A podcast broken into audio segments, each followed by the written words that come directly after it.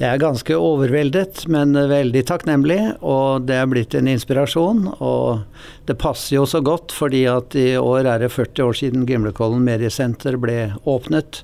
Og på en måte 60 år siden jeg fikk et personlig kall til å jobbe med kristen media gjennom livet.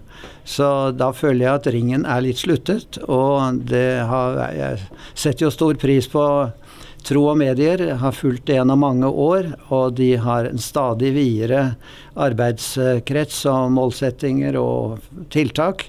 Og alt dette syns jeg er inspirerende å få heder fra. Så jeg vil takke Jarle Haugland og folkene der med denne, henvis, denne prisen som jeg har fått. På de Facebook-sider så presenterer du deg med motto at du ønsker å bidra ved gode ord gjennom flest mulig medier. Hvor kommer det ønsket ifra?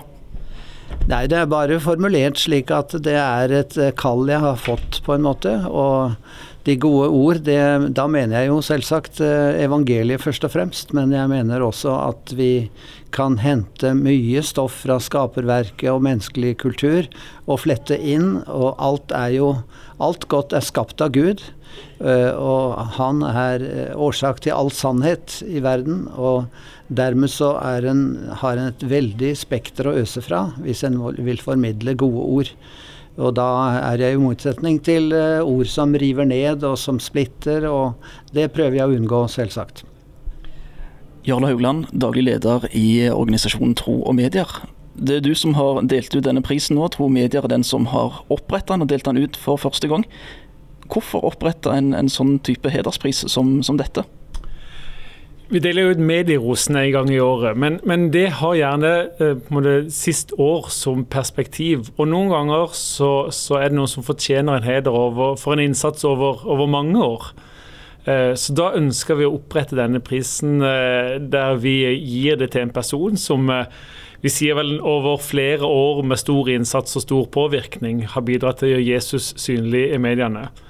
Så, og Da var Asbjørn Kvalbein en, en helt naturlig kandidat, og juryen var enstemmig på at dette, han bør få den første prisen.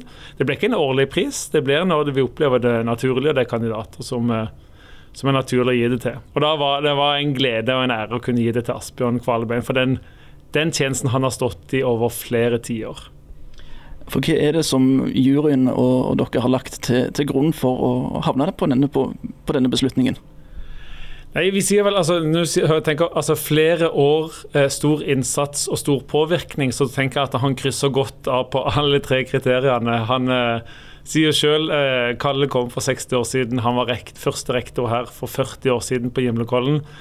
Eh, og har eh, på så mange mulige måter og gjennom så mange mulige kanaler og ulike formater evna å formidle det kristne budskapet eh, på en utrolig fin måte. Tro Media har i et av sine motto vi sier at godhet, sannhet og tro i mediene. Og Det er vel noe som omfavner eh, hans tjeneste godt, og som vi hører han setter ord på nå. Altså den, han sprer godhet gjennom sin formidling. Han eh, formidler Guds frigjørende sannheter og, og, og bringer mennesker eh, til tro og styrker troen til mennesker.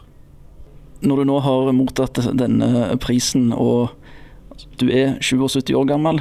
Du er ifølge året pensjonist, men ifølge arbeidsmengden ikke helt trett inn der ennå. Kommer du nå til å hvile på laurbæra og, og, si at du er ferdig når du har mottatt hedersprisen, eller kommer du til å fortsette med, med din tjeneste? Nei, jeg fortsetter så lenge Gud gir meg helse og krefter, og folk vil eh, kalle meg til noe. Jeg skal ha f.eks. åtte møter rundt om i landet i november måned, fant jeg ut. Så det er eh, mye reising. Og så vil jeg prøve å lage nye innslag for radio og TV.